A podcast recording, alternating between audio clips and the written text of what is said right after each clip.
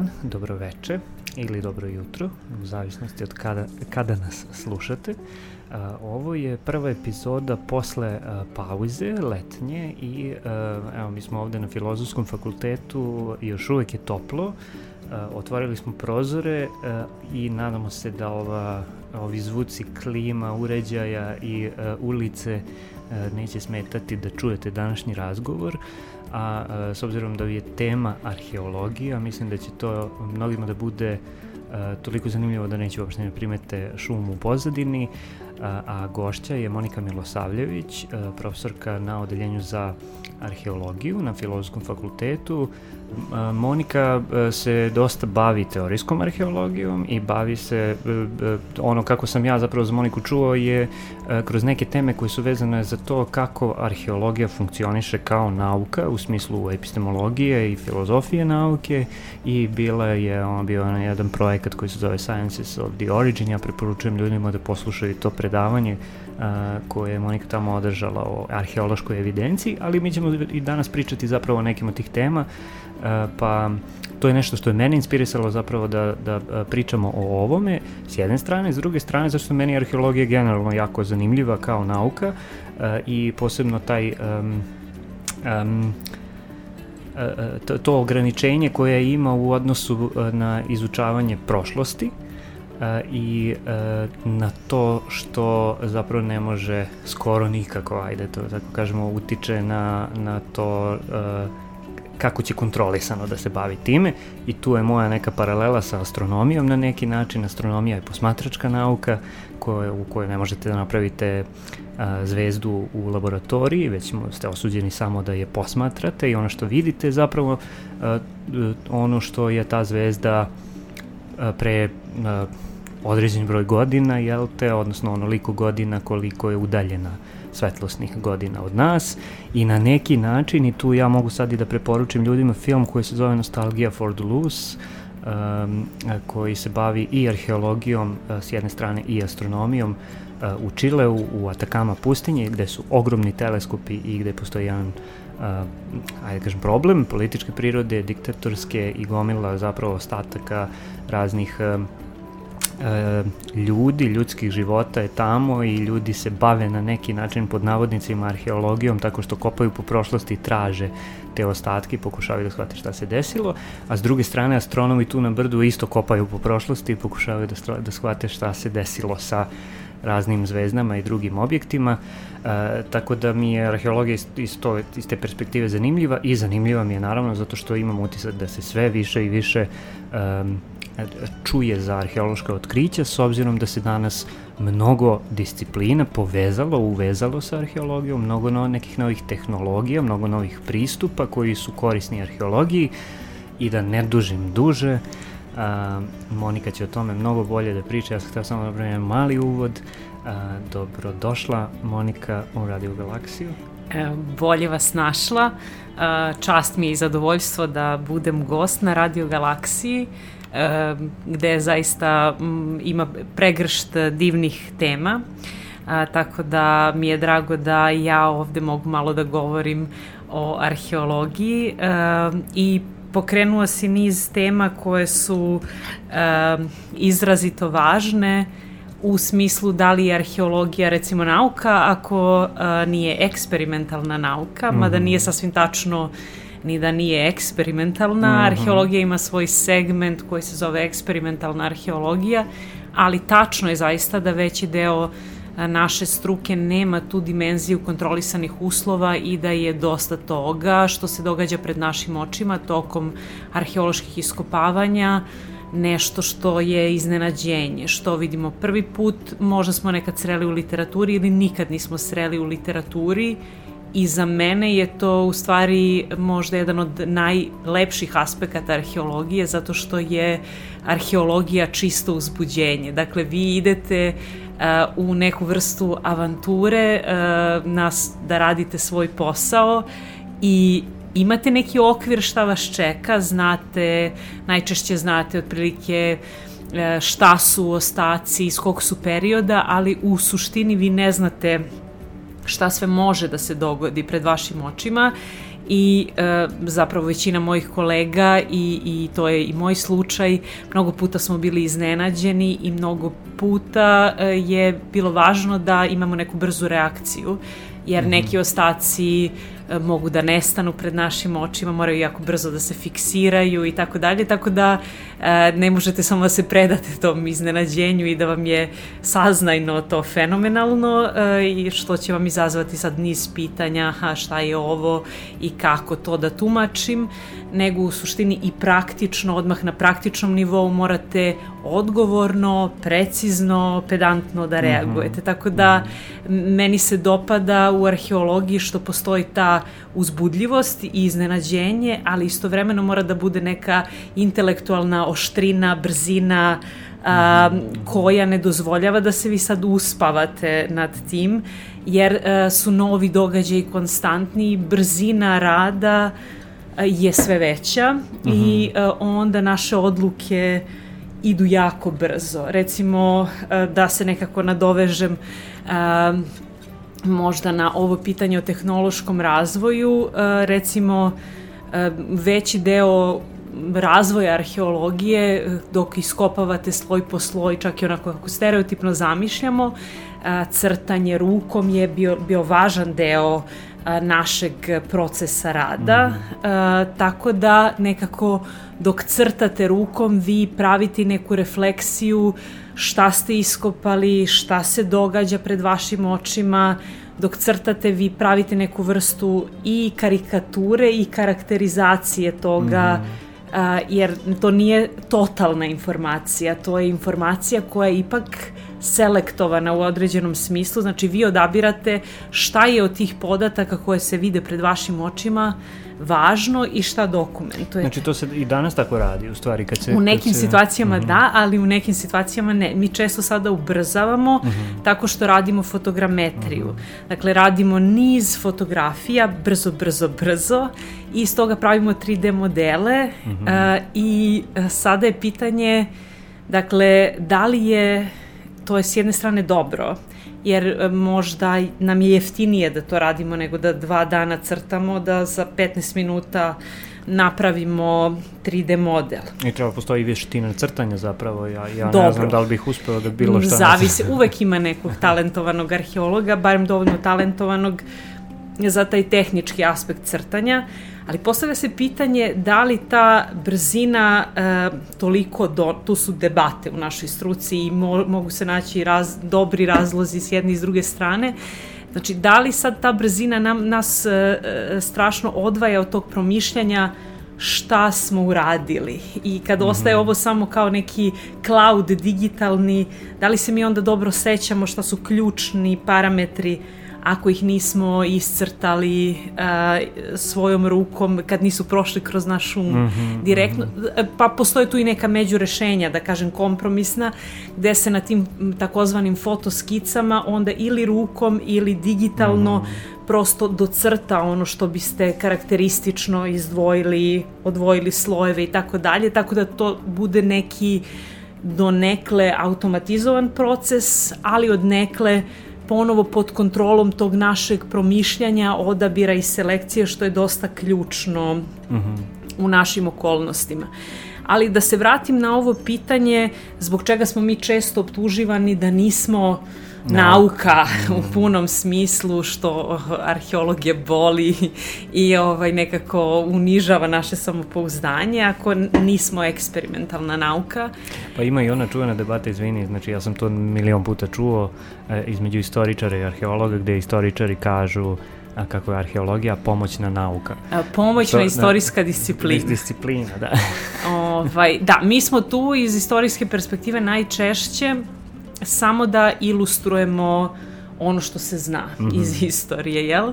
Međutim, mi da odgovorim na to, e, najpre arheologija pokriva mnogo duži vremenski period, dakle mi pokrivamo i čitavu praistoriju, a istorija pokriva samo ono što uh, su istorijski periodi, dakle zašto postoje pisani izvori, dok mm. se dakle mi bavimo i onim razdobljima i društvima koja nemaju pisane izvore, to je s jedne strane, s druge strane kad razmislimo o kompleksnosti društava, no, mnogim zajednicima samo visoka klasa ostavlja u nekim razdobljima pisane podatke mm. o sebi, o drugima, najčešće stereotipno, mm. dok e, ona svakodnevica, pijenje pivo ispred prodavnice, to nije predmet uh, pisanog izvora, mislim malo sad pojednostavljujem stvari, za bolju ilustraciju, a arheologija može da pronađe limenku piva.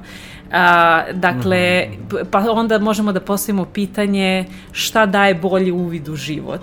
Da li vaše đubre, što je ono čime se arheolozi bave, a, ili a, određeni narativi koji su najčešće ideološki oblikovani, politički instrumentalizovani, da služe nečemu, jel? Tako u da, tom trenutku, da. Mislim, da. mi kad govorimo o veoma bliskoj prošlosti, razmislite, ne znam, o, možda nije hot tema, ali o masovnim grobnicama, uh mhm. -huh. a čemu više verujemo narativima s jedne, druge, treće strane koje potiču iz istorijskih uh mhm. -huh. izvora ili verujemo Nalozima arheološkim iskopavanjima i forenzičkim istraživanjima. Šta šta naravno moramo da analiziramo i jedno i drugo i apsolutno to nije stvar ili ili, uh. -huh. ali a, zapravo status tela, a, pozicije različite, to je ono što daje a, nekakvu punoću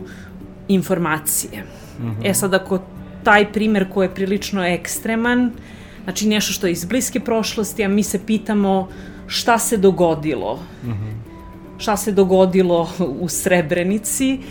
E pa tu ćemo verovati uh, u stvari arheološkom zapisu mm -hmm. i mhm. antropološkoj analizi. Jer je nepristrasno. Da. Uh, Mislim da sad uh, možda dakle, sam dao dajemo, termin, da. dajemo taj uvid koji je materijalan. Mm -hmm. I to je ono što je zapravo velika snaga arheologije, njen metod, mm -hmm. koji ne podrazumeva samo jedan najmanji segment društva, nego može da kaže o svakom segmentu društva. Mm -hmm. I e, na e, specifičan način. Taj, naravno, e, taj ugao nije lako čitljiv. Ne piše na svakom predmetu, e, ovo znači tačno to i to. Uh, dakle, to je, to je vrlo teško, neki su predmeti teški za čitanje, znači neće nama odmah biti jasno o čemu se radi. Mm -hmm. Ali ono kako mi funkcionišemo jeste da sama pozicija predmeta, njihovi međusobni odnosi, ono što mi zovemo kontekst, kako su pronađeni, nam govore o tim kompleksnim stvarima i najčešće kada se javljaju obrazci.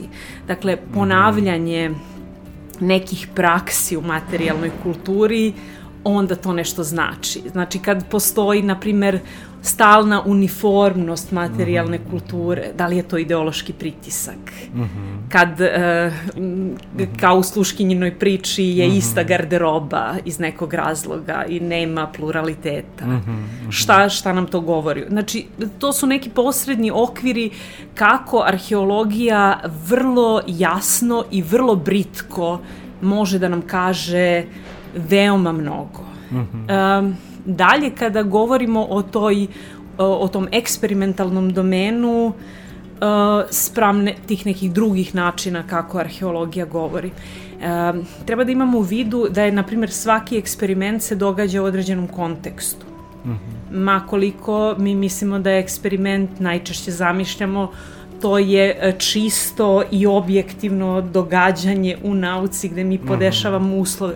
Ali ne znam, uzmemo koje su nam hemikalije dostupne, koje su nam ideje dostupne, da određene hemikalije pomešamo, koji su nam alati za, da. za obradu. I, Kako dalje, snimamo to što se događa, da li imamo mikroskop ili nemamo mikroskop. Mm -hmm. To mhm. zavisi od e, da li imamo elektronski mikroskop ili nemamo, to zavisi od socijalnog konteksta. Mm -hmm. Nekako kada razgovaramo o tome, uh, to, to, kada razgovaramo o eksperimentima, nekako se čini da su oni veoma čisti u tom smislu da su čisti od svakog konteksta a da, da su nezavisni od društva da, i a mi sad što kao arheolozi priznajemo da smo kontekstualni da radimo u određenom kontekstu E, problem je do nas što, što priznajemo zapravo kako stoje stvari u odnosu na to kako se stvara slika u drugim naukama koje e, jednostavno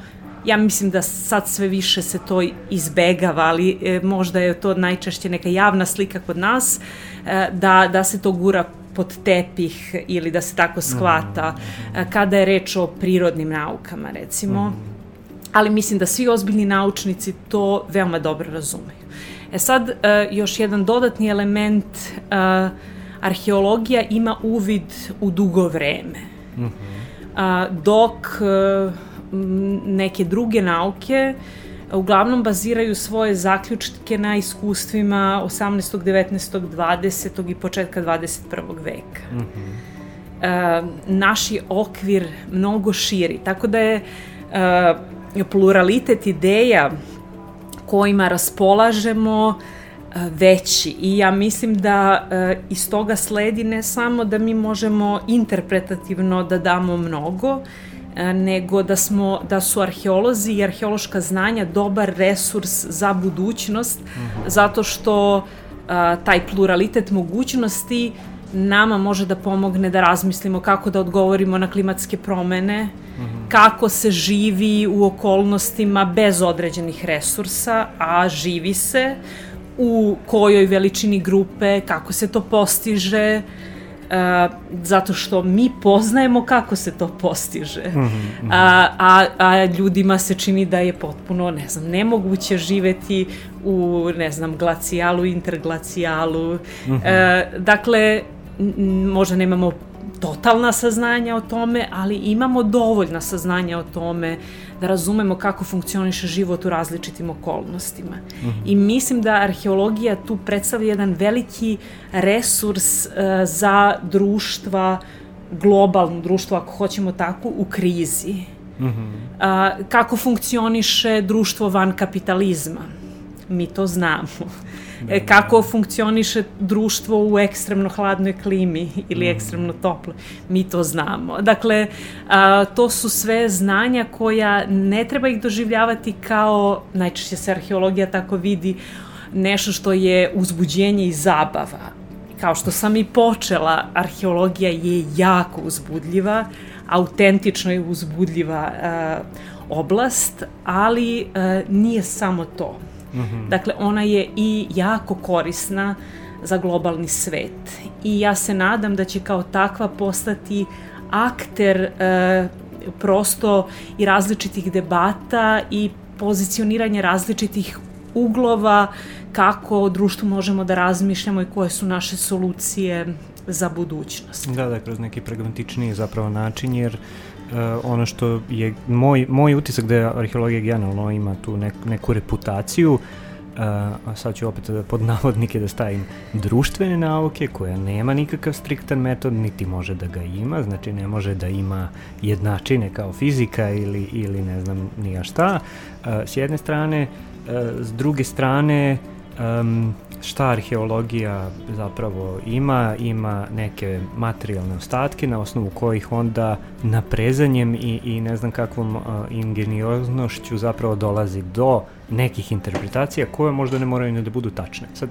znači ja to pričam iz neke ono daleke perspektive, ja uopšte ne mislim tako, ali da bismo to možda pojasnili, Uh, uh, ajde da možda probamo, ajde, na nekom primjeru i tako dalje. Mm -hmm. Malo pre si rekla, uh, znamo kako se živi u, odnosno mi, mi znamo kako se živi u glacijaciji, mi znamo kako se živi u van kapitalizma i tako dalje. Mhm.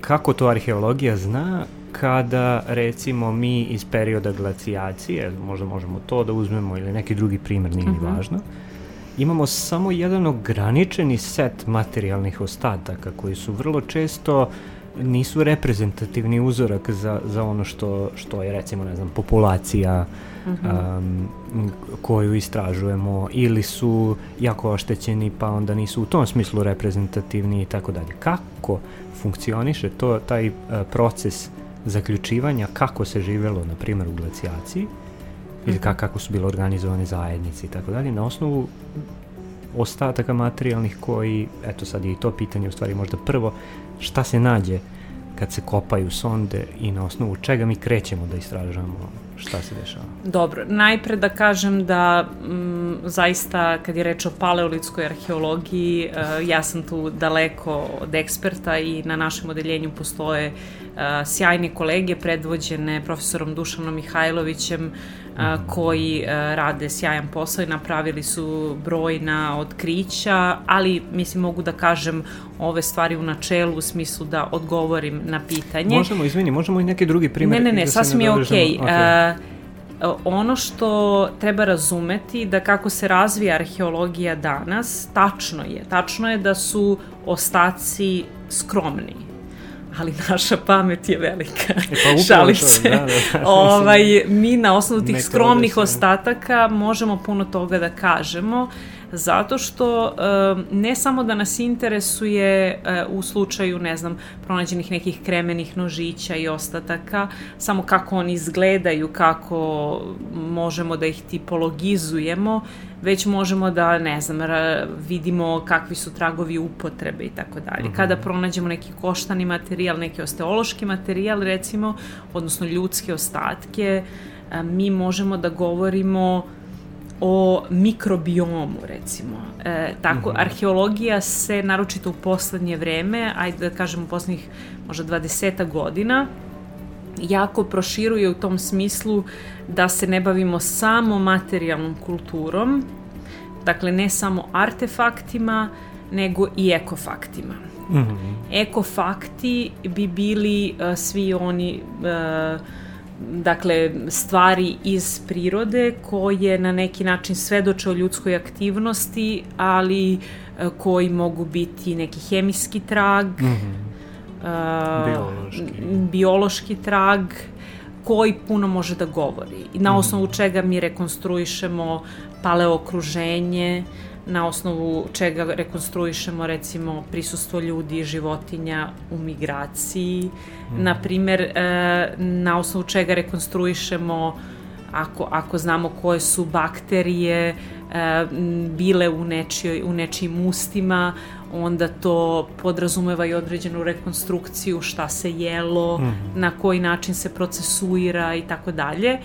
Naravno, tu je nama uvek potrebna i neka spoljna pomoć i podrška u smislu da mi možda ne znamo kako da analiziramo to hemijski, mm. ali imamo neku, uvek imamo neku načelnu ideju, naše obrazovanje jeste dovoljno, kako da kažem, dovoljno visoko da možemo da razmišljamo o dizajnu istraživanja. Tako da, mm -hmm. iako formalno se čini da na nivou materijalne kulture zapravo imate, ne znam, tri kremena ostatka, ne neka nožića, jedno kremeno jezgro i jedan uh, zub, e, to se čini kao ništa, jel tako? Uh mhm. Ali zapravo to može puno da nam kaže. I sad uh -huh. tu se javlja jedan, jedno pitanje koje jeste ozbiljno pitanje. Šta je reprezentativni uzorak? Uh -huh. e, ta ideja o reprezentativnom uzorku postoji onda gde mi možemo da shvatimo šta je celo, mislim šta je 100% uh -huh. i koliko mi imamo od 100%, ali e, arheologija uopšte ne može da računa na to. Mi možemo da kažemo e, kada se bavimo jednim lokalitetom ili nekim područjem šta je istraženo od tog lokaliteta i koliko je to reprezentativno. Pa ne znam koliko je lokaliteta iz jednog perioda istraženo na području naše zemlje, pa je bitno da li donosimo zaključke samo na osnovu jednog lokaliteta ili je 50 istraženo. Mm -hmm. a, I u kojoj meri su oni istraženi. Ali da kažemo na nekoj globalnoj skali ne možemo to da kažemo. Da, da, pa tu čak i nema smisla, jer to je... Tako da e, ta reprezentativnost mm. uzorka, sem kad je u tim manjim mhm. celinama, nekako nama uopšte ne igra e, kao neki ključni argument, zato što ne možemo na tome da baziramo a, naše zaključke. Mogli bismo odmah da odustanemo od -hmm. ovih saznanja, što -hmm. mislim da bi onako i šire društveno bilo a, kontraproduktivno. E, još smo rekli znači da, da treba da objasnimo a, kako koji je to naš metod, kao ne mi nemamo striktni metod, šta mi to radimo i tako dalje. Pritom i to je romantizovano kao da postoji uh, jedan metod za biologiju ili jedan metod za psihologiju, zapravo da. postoji mnogo metoda, ali koje su neke specifičnosti arheologije u tom metodološkom smislu, koje ipak kažu da, da to sad kao da se branimo, ne, ne treba da se branimo, ali mm -hmm. koji ipak kažu, e, nismo mi tu neka šalabajzerska disciplina koja sad tako uzme pa, pa kaže aha, na osnovu ovoga mi možemo da zaključimo to, to, to i to, nego postoje procedure zapravo i... E, da, e, zato što postoje određene ozbiljne varijacije u tome kako ljudi mm. mogu da se ponašaju, s obzirom da su i ži, životinje sa određenim specifičnostima. A, e, s tim u vezi, e, kako da kažem, postoje limiti limiti naših tela, limiti naših mogućnosti, ali tehnologija nam kroz praistoriju i istoriju nekako povećava okvire našeg delovanja i naših mogućnosti. I sad mi mm. moramo da računamo sa pluralitetom akcija. I takođe moramo da računamo sa tim da u jednoj zajednici ne, ne postoji nužno uniformnost u mhm. ponašanju, nego da ćemo uvek imati ili najčešće imati individue koje se pobune, koje odu, koje odlutaju, koje žele nešto drugačije, mhm. one koje se prilagođavaju normi, neku vrstu mimikrije. Dakle, mi moramo da razmišljamo svim tim društvenim aspektima koji će se javiti uh, u nekoj zajednici mm -hmm. i uh, u tom smislu naš zadatak je kompleksan zato što mi ne analiziramo nešto što nužno podrazumeva jedan set pravilnosti, samo je naše da shvatimo koje su to pravilnosti. Mm -hmm. Pa ih je 27, ali je 27 pravilnosti. Dakle, e, mi operišemo i sa izvesnim ograničenjima, dakle računamo na ljudska ograničenja, na primer životni vek, mm. starost, broj kostiju, postoje neke fiksne uh, a, fiksni parametri u mhm. određenim domenima, a, ali postoje i određeni parametri koji su prilično rastegljivi ili mhm. gde socijalni i tehnološki aspekti mogu da posluže kao štake ljudima da strašno prošire a, svoj opseg mogućnosti. Mm -hmm. I moramo onda o svemu tome da mislimo kada razmišljamo o našoj metodologiji. Naravno, primarno uh, ono što radimo jeste uh, da iskopavamo na arheološkim terenima. Dakle, iskopavamo različite situacije, iskopavamo utvrđenja, naselja, groblja, razne religijske objekte, različita mesta, privremena staništa, poput, ne znam, nekih mezolitskih staništa ili paleolitskih privremenih staništa. A, dakle, e, iskopavamo i naselja koja su trajala, ne znam, vekovima, a, znači gde postoji stalni neki kontinuitet naseljavanja, različite prakse tu beležimo.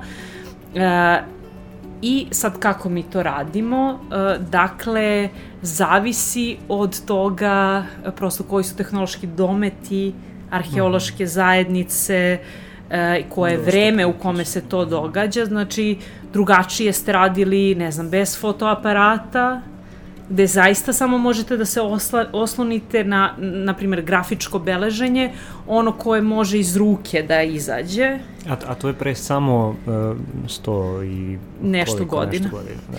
A, dakle, a drugačije kad imate fotoaparat. Pa sad kad imate fotoaparat koji ima film, I inače, ja recimo kad sam počela sa arheološkim iskopavanjima, u suštini još digitalni uh, ovaj, aparati nisu baš bili prisutni, tako da je vrlo vođeno računa nećeš fotkati sve, nego Možeš ono što da je važno promisliš, i da da, da. promisliš šta je ono što će biti fotografisano. Pa to je taj moment možda koji je to uh, omogućava da se taj, taj moment crtanja zapravo nekako ovaj, zadrži, odnosno da se ne odaljimo tako što ćemo da uzmemo da iškljocamo i da onda ne, uopšte ne razmislimo, nego to. Da I bi- najčešće, i sami znate sa digitalnim fotografijama, bar je tako u suštini u arheologiji, ako odmah ne sednete i obradite te digitalne fotografije, uh, mislim iz tog dana, da opišete, da ih potpišete,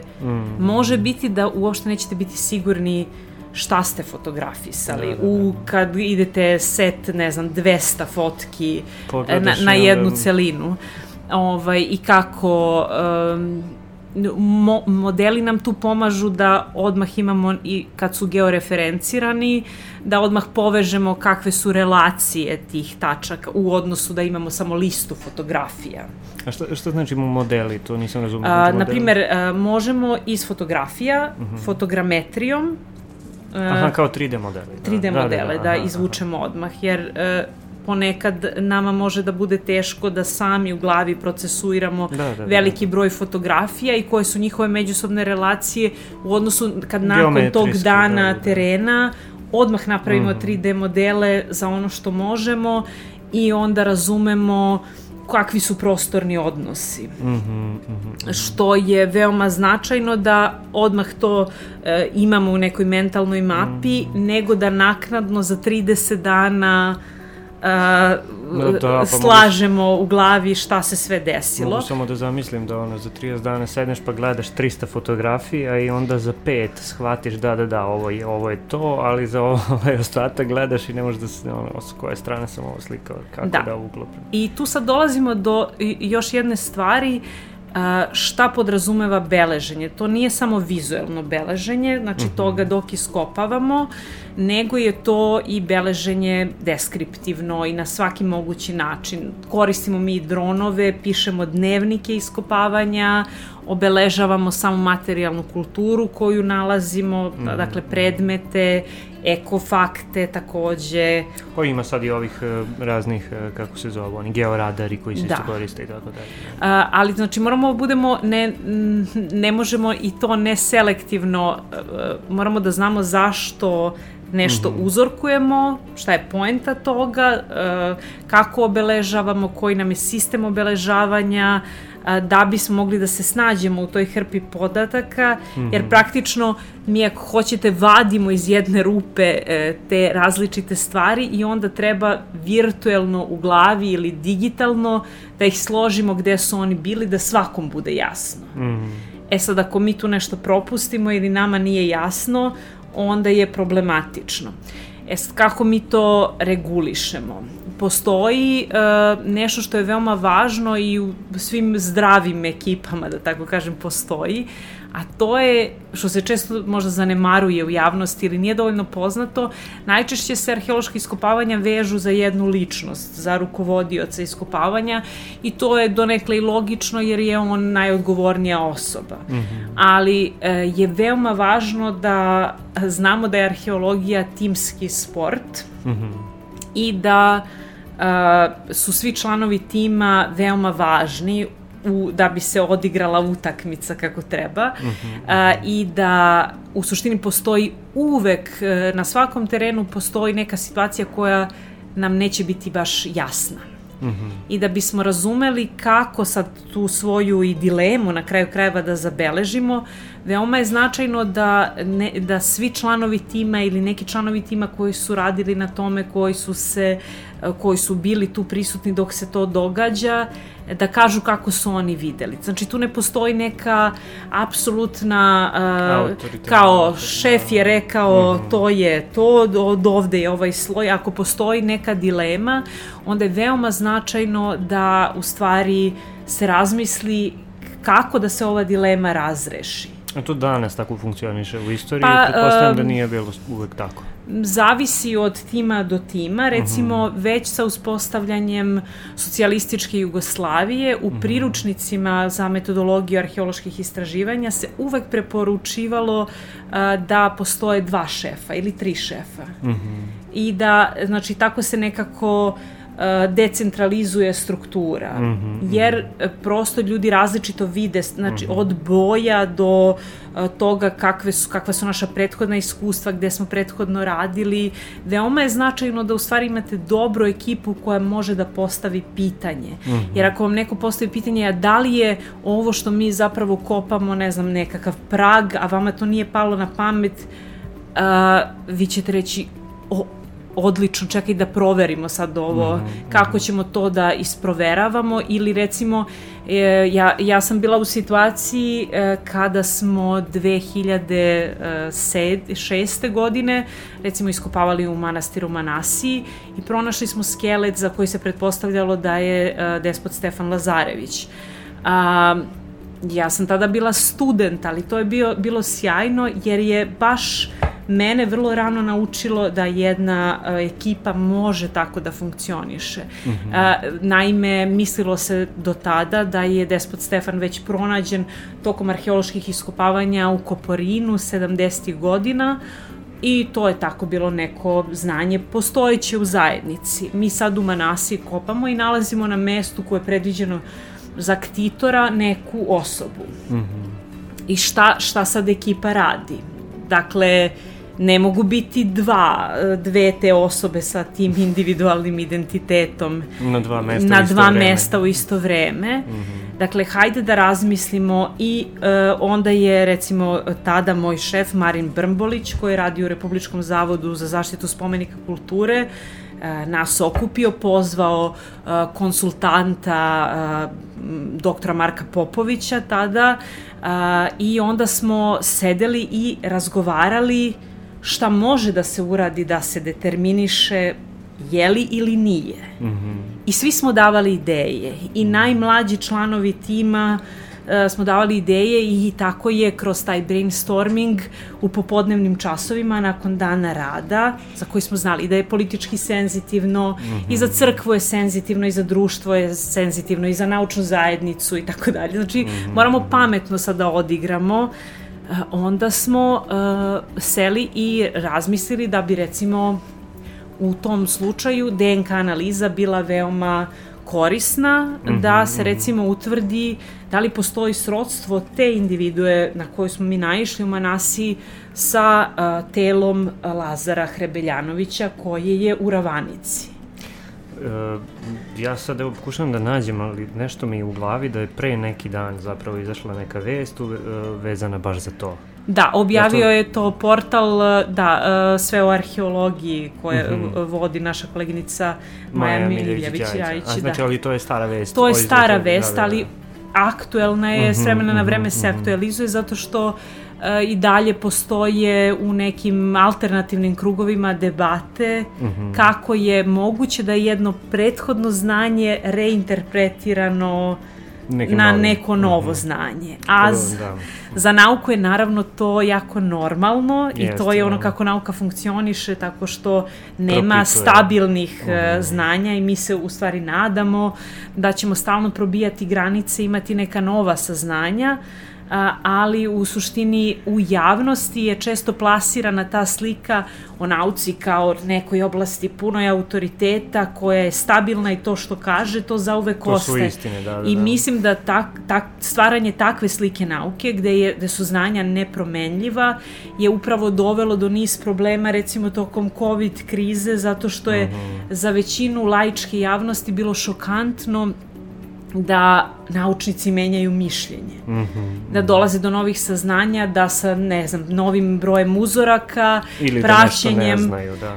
da, da može da se desi da ispravljaju svoja viđenja. Mm E, -hmm, mm -hmm. To prosto deluje kao, pa ka, izvinite, kakvi ste vi autoriteti ako ste sad promenili mišljenje od Da, pre da, godinu da. dana.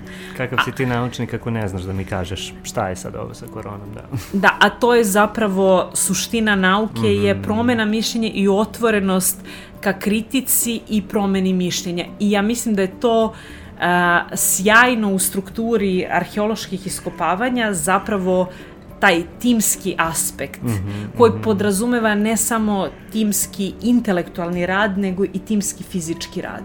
Mm -hmm, uh, I u suštini stvari se donekle menjaju kad ste izloženi teškom fizičkom radu, uh, u smislu kako vi funkcionišete kao zajednica i zašto vam je stalo do tih vaših rezultata gde u stvari ste izloženi i tom jednom i drugom aspektu koji su isprepletani. Mm -hmm. I mislim da kod nas ima puno benefita od te multiperspektivnosti.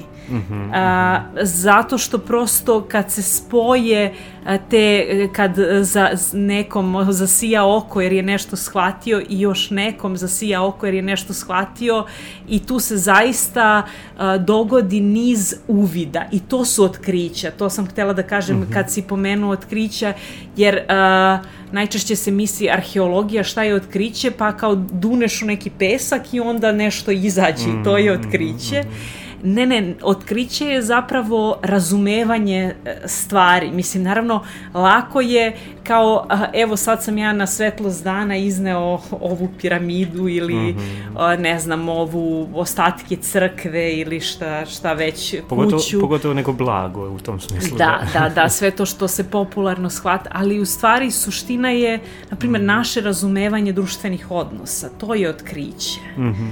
A, to su stvari koje, za koje se mora i telesno i intelektualno namučiti. Mislim, i za koje je neophodan taj zajednički rad, sinergija, solidarnost, kritika, -hmm. rasprava, ozbiljna, ozbiljna nauka. Mm -hmm. Tako da to je ona, onaj dobri uh, sok arheologije kao nauke, to je, to je ono od čega mi stvarno imamo taj neki dobar osjećaj uh, u stomaku mm -hmm. kao arheolozi. Mm -hmm. Pa, uh, baš sam eto skoro naleteo na o, to je ispostavilo se vrlo poznata iz, uh, izreka rečenica Margaret Mead o tome uh, kad je počela civilizacija Uh, I ona kaže da je civilizacija nije počela sa ne znam ovim onim i tako dalje, nego je počela kada su zapravo ljudi otkrili d, uh, zaraslu butnu kost, femur. Jer uh, to je trenutak kada su, kada, kada su ljudi shvatili da mogu da se zaleče, da brinu jedni o drugima, da nekako izoluju osobu koja slomi butnu kost i da se onda zaleči, da nastavi da živi. A u kontekstu iskopavanja i tako dalje, to je neki prelom koji se vidi, vidi se neka, ono, neko zarastanje ili, ili ne zarastanje. I sad bi rekao čovjek, aha, šta odatle možeš da izvučeš kao informaciju i upravo to, znači, ta, to, to da taj prelom koji je zarastao na butnoj kosti znači da je, da je društvo u, u stanju da može da odneguje osobu da, da, da preživi, a ne da ga da ostavi tu osobu da, da umre, to je otkriće. Ako da, da, da, da. Zato što u stvari, i to je sad jako važna tema i u recimo bioarheologiji i u arheologiji uopšte, a, to je pitanje brige o drugom. Mm -hmm. a, i, jer možemo mi na recimo sa nekim uzorkom skeletnog materijala sa neke nekropole da postavimo pitanje mm, šta znamo o toj populaciji, recimo smrtnosti, uzrastu, individualnoj starosti osoba, znači da dobijemo neki uslovno rečeno statistički pregled mm -hmm. toga u, glob, u grubo, u globalu, kako je ta populacija funkcionisala od do. Mm -hmm. Može to da nas interesuje i da iz istog tog materijala damo takav uvid. Mm -hmm a možemo i da uočimo recimo dve osobe koje su ponegovane nakon teških preloma mm -hmm.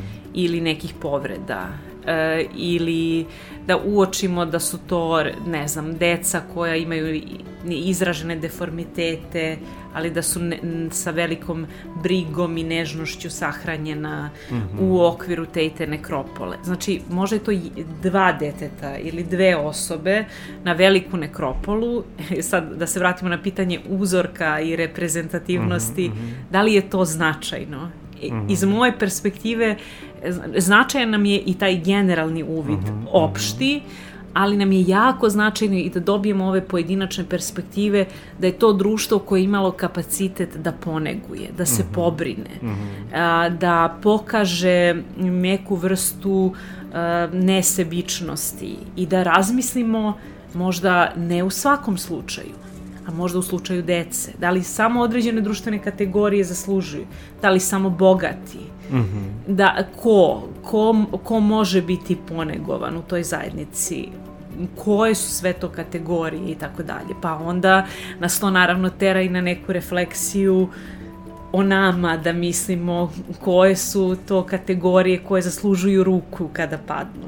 Mm -hmm, A I koje zašto, nisu. I zašto u tom periodu uopšte postoji takava vrsta odnosa prema ne znam, kategorijama koje zaslužuju ili ne zaslužuju, kako se to danas reflektuje. Tako da, a i, i često postoji ta ideja opet u javnosti, neka hopsovska, onako da je život ljudi u prošlosti brutalan mm -hmm. a, i ne očekuje se ne očekuje Mračni, se ljubasno, vek, ljubaznost da. i tako dalje. Da, ne da. očekuje se ta vrsta brige, mm -hmm. ne očekuje mm -hmm. se prevazilaženje stigme.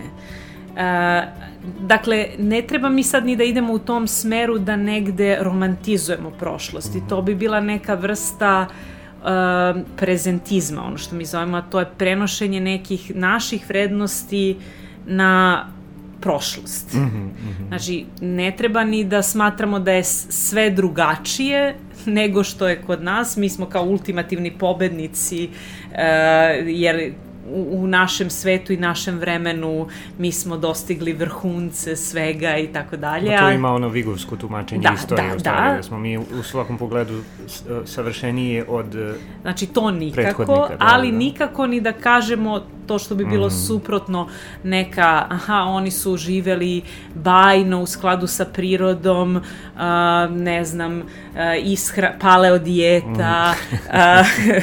uh, prirodna ishrana, namirnice koje nisu zagađene. Nema tako genetički modifikovanih da, organizama. dakle, a onda, mislim, mi zaista kad razmislimo ponovo arheološki, ko je krenuo sa modifikacijom u neolitu, Um, Upravo da nije bilo modifikacije, ne bi, ne bi bilo civilizacije. recimo. Dakle, odavno mi manipulišemo na različite načine svojim okruženjem kao ljudi, tako da uh, ima tu mnogo domena. U svakom slučaju ne treba da uđemo ni u jedan od ta dva ekstrema e, i sa druge strane da prihvatimo uh, da prošlost može da bude neočekivana. Dakle, ni jedno ni drugo. Ne mm -hmm, samo da mi mm -hmm. referišemo na taj naš prezent, pa ili je suprotno ili je isto, a kao dosadašnji istraživači nisu videli to u prošlosti, mm -hmm. treba da se naviknemo na tu ideju da može da bude drugačija, uh, različita, mm -hmm. uh, da bude, da nam se ne dopada ili na jeziku koji mi trenutno ne razumemo u stvari, da, ajde da kažem možda malo abstraktno. Recimo, mm. i da neki domeni jesu nerazumljivi sa tom nadom da, mm. kao što su tokom istorije nauke, uvek određeni domeni koji su bili nerazumljivi vremenom ili bili reinterpretirani ili postajali razumljivi, na neki način jasniji. Ili smo morali da promenimo način razmišljanja da bismo ih razumeli. Ugao posmatranja, mm -hmm. metodu, E, kojom e, radimo to. Dakle, pored ovog iskopavanja, to sam ostala dužna da kažem, ovaj, mi radimo i nešto što bismo mogli nazvati uh, post-processing, znači mhm. nešto što je obrada nakon iskopavanja i sada kako smo ubrzali zbog tehnoloških inovacija iskopavanja jako, sve više posla ostaje posle. Mm. Nekad je zapravo možda je bilo lepo i romantično ovaj što se dobar deo posla većinski, nikad sve, ali veći deo posla završavao tokom terena. Mm -hmm. a, a sad je to nekako gotovo nemoguće ili redko moguće zato što određeni uzorci idu na određene analize, dakle pa prosto to da nije moguće baš tako sve uraditi na tom jednom mestu. A, onda se povezuje određeni podaci pa se interpretiraju pa gledamo kako to izgleda uh, u digitalnom svetu tako da nekako sad zapravo puno ostaje tog nagomilanog posla uh, mm -hmm. posle gde se u stvari takođe događaju neka otkrića jer recimo tek kad se nešto konzervatorski očisti uh, ili se drugačije pogleda, pogleda se pod mikroskopom, mm -hmm. shvati se da imamo semenke neke vrste koju, mm -hmm. ne znam, nismo prosto primetili, uh, potpuno se preokrene uh, čitav narativ, ne znam, da je u tom grobu bilo položeno cveće. Uh, mm -hmm. A, a to nismo mogli da vidimo da, da, golim okom. okom. Da, da, da.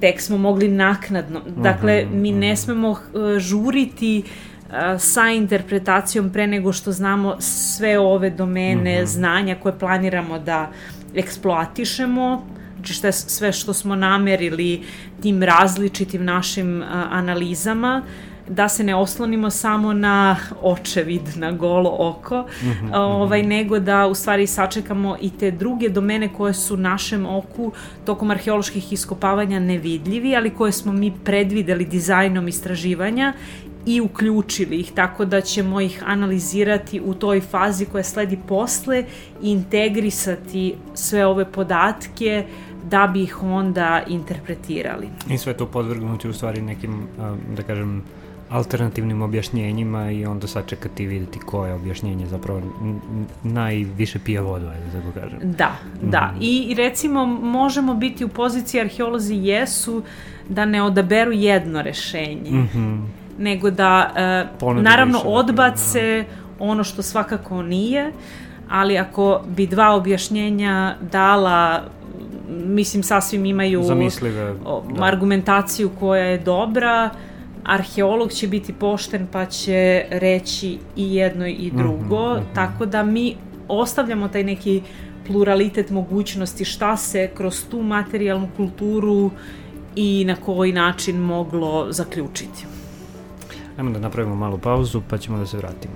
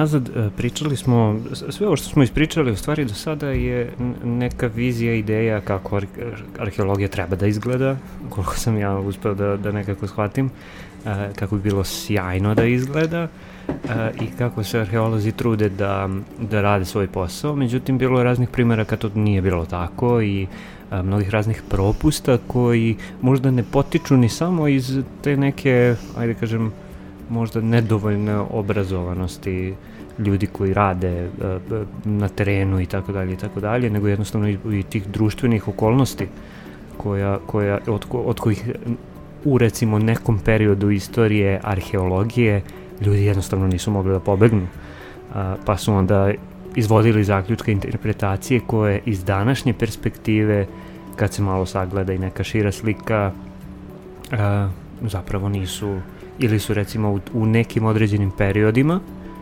zloupotrebljeni zbog određenih političkih i ideoloških uh, razloga. Pa uh, ajde da možda ovaj drugi deo emisije posvetimo tome šta su loše prakse, šta je to loša arheologija u smislu loše nauke, jer naravno postoji pseudoarheologija o kojoj možda nećemo previše ni da pričamo.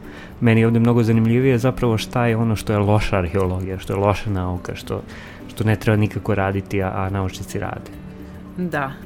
A, dakle, mi možemo da govorimo o domenu gde neko ko prosto nije iz sfere arheologije e, pokušava da se bavi arheologijom, ne razume sasvim metod i tako dalje i onda tu se prosto promaši u zaključcima mm -hmm, ili mhm. postoji neka tendencija, loša namera i tako dalje. To bi klasifikovali u taj domen pseudonauke. E, sa druge strane, kada arheolozi rade nešto problematično, znači koji imaju obrazovanje, e, onda je to u izvesnoj meri sporno.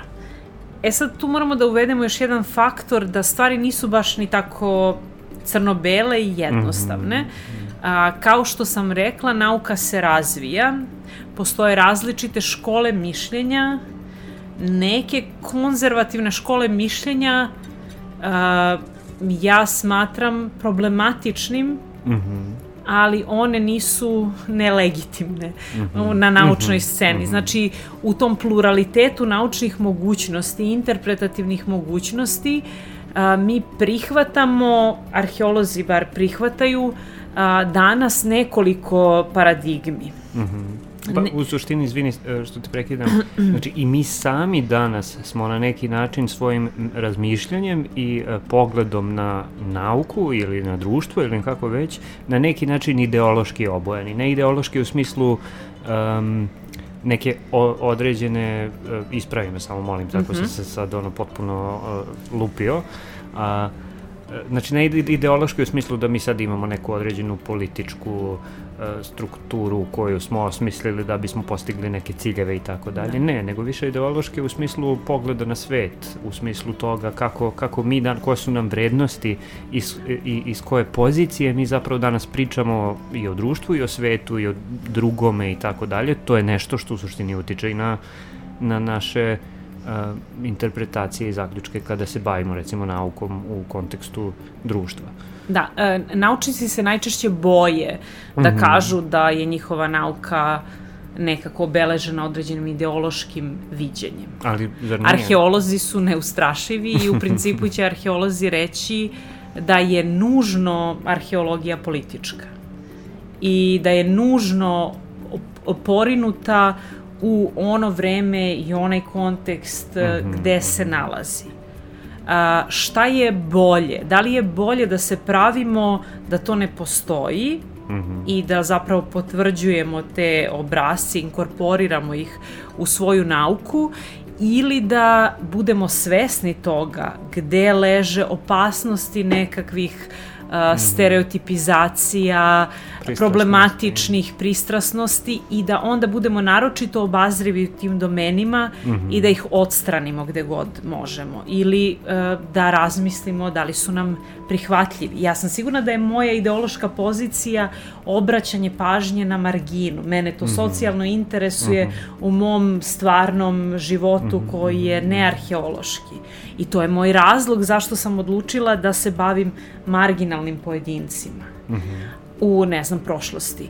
Uh, I tako da sam napisala nešto o tome iz ovih razloga, mm -hmm. koji jesu vrlo jasno ideološki ali ideološki razlozi su i da se bavite vladarima i elitom mm -hmm. samo i da su zlatni nalazi, luksuzni predmeti, don, donošeni iz daleka, jedini vaš prioritet mhm. istraživački. Mm. Za razliku od, ne znam, to, preloma butne kosti ili šta smo već malo prepomenuli. Nebrige da. da. osoba koje su bačene u svoje mm -hmm. grobnice. Mm -hmm. uh, to, da li je, da li je, sa ne, da li je grob nemarno. sa cvećem ili nije sa cvećem da. i koje je cveće tačno tu unutra. Recimo. Da. Dakle, uh, interesuju nas ideološki obojeno da nas interesuje određena pitanja. Ja mislim mm -hmm. da je veoma važno uh, da nas interesuju recimo pitanja društvene strukture, mm -hmm. društvenih slojeva, mm -hmm. siromašnih, marginalnih, recimo replikacija nekih, nekih fenomena koji su samo za najvišu klasu, kako se imitira neka materijalna kultura, mm -hmm. u kom domenu, u ograničenim mogućnostima i tako dalje e, to, to, su, to su teme koje su naravno ideološki obojene. A šta nama ne deluje kao ideološki obojeno? Ne deluje nam ideološki obojeno da se pitamo koji je to narod. To nam uopšte ne mhm. deluje ideološki obojeno. A ovako kad razmislimo a, zašto nam nije ideološki obojeno da se pitamo koji je to narod, koji je to etnicitet mm. a, i koja je to teritorija na kojoj oni žive, Kojim a, a deluje nam a, ideološki vrlo tako a, ovaj upregnuto da se pitamo koja je to klasa društvena.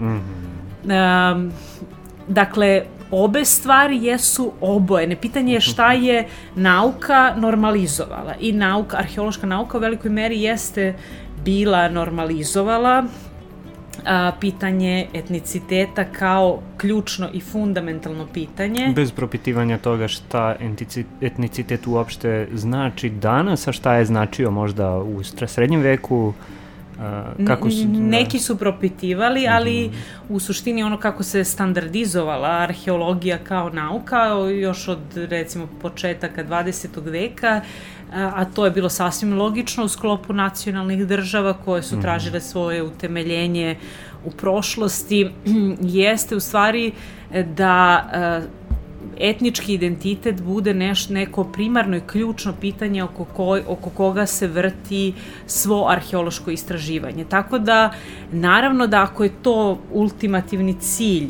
mm -hmm. da date uh, iz kog je to doba, je li tako, jer nam treba što starije doba, i koji je to narod, jesu li to mhm. naši, ovaj, uh, ako je da. to cilj, onda vam to neko zbrinuto dete uh, uopšte nije važno. Uopšte nije mhm, važno. Mm -hmm. Mislim, ne da ga vi nećete iskopati, nekad možda i nećete, ali jednostavno u vašem izveštaju i vašem pogledu na svet, recimo u prvoj polovini 20. veka, to uopšte ne deluje kao prioritet. Mm -hmm jer vas pre svega interesuje kretanje naroda, a, migracije mm -hmm.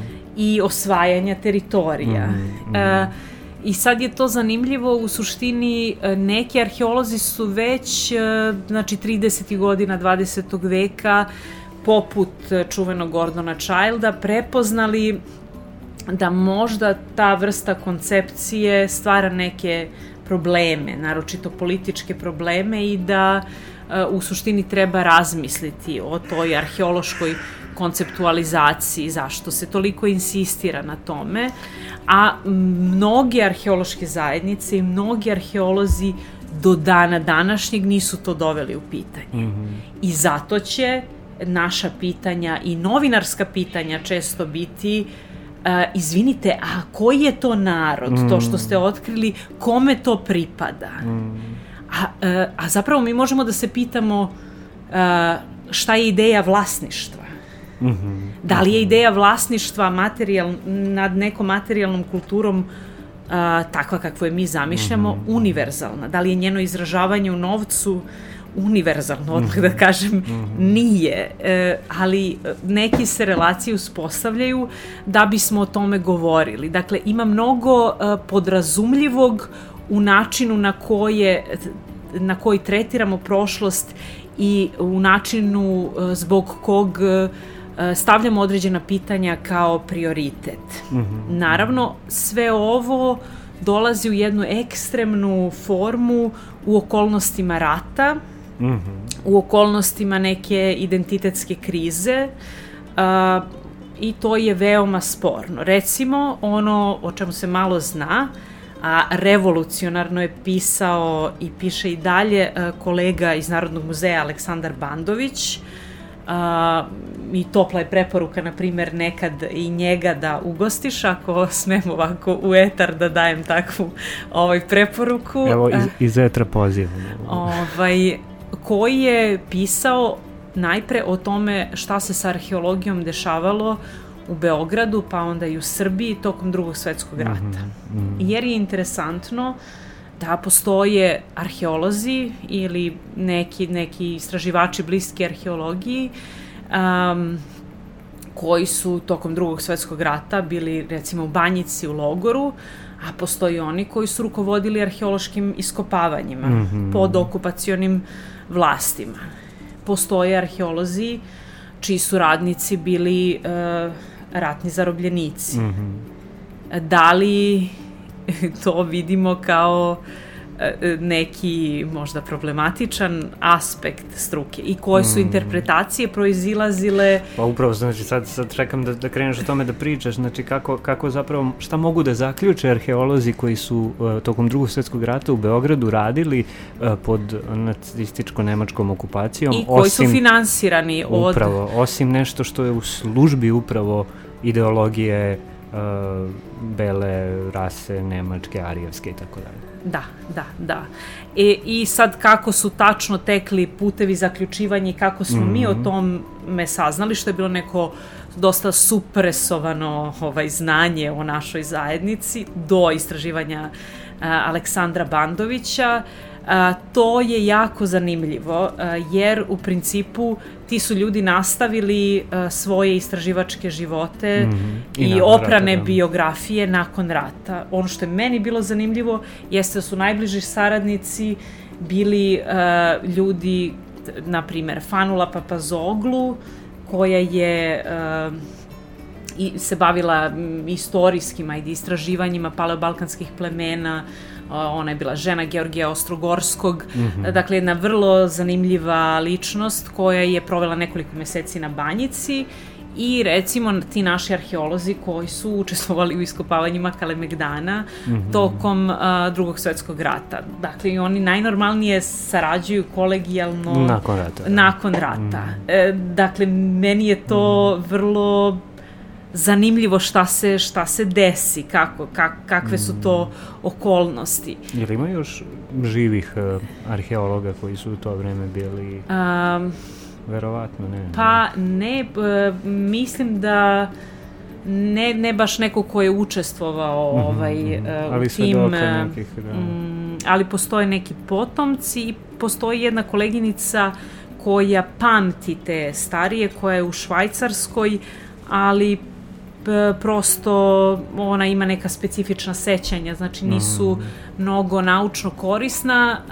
Uh, u tom smislu kad se sad bavimo pa istorijom arheologije, arheologija se tu koristi, a to je opet integrisani mm. deo arheologije za rekonstrukciju sobstvene mračne prošlosti, mm -hmm. proučavanje materijalne kulture koja je korišćena, onda pisanim izvorima, dakle arhivskim dokumentima, arhivskom građom, uh, oralnom istorijom, mm -hmm. dakle ono što možemo i intervjuom, razgovorom sa ljudima da dobijemo uh, i naravno publikovanom pisanom građom i tako dalje. Tako da mm. onda ponovo i ta naša rekonstrukcija prošlosti naše nauke koja je nama veoma važna kao nešto što unapređuje to šta naša nauka jeste danas, mm -hmm. da bismo ta sporna mesta izbegli. Mm -hmm. Da bismo razumeli, znači ne samo da bismo rekli to je Uh, to je grozno i kako su to ti ljudi mogli. Uh -huh. uh, I kao da mislimo da nama to ne može da se desi. Uh mhm. -huh. Nego upravo da razumemo uh, kako su oni to mogli. Kako se dolazi do i toga. I kako, su, kako je to njima bilo nekako mm. logično. Jedan od odgovora kako je bilo logično uh, i što često arheolozi upadaju recimo u tu zamku jeste da je sprovođenje arheoloških istraživanja važnije od svega. I da jednostavno uh, Um, to je nekako imenovao recimo profesor Palavestra, uh, od koga sam ja puno učila, e, to je neki pakt sa đavolom, samo da ja dobijem finansiranje, mm -hmm. pa ću ja onda kopati, pa ću ja onda to publikovati i tako dalje, ali u suštini nije svejedno koliko uh, finansiranje obavezuje istraživanje. Znači jedno je kad su to neka javna sredstva, a drugo je kad su to neka e, ideološki veoma jasno usmerena sredstva ili mhm, ukoliko mhm. ste obećali neku senzacionalističku informaciju i onda uđete uh, u taj uh, krug i nema izlaska odatle. Ako ste jednom da biste dobili finansiranje rekli to je, ne znam, najstarije, to je vanzemaljsko, to je, ne znam, mm.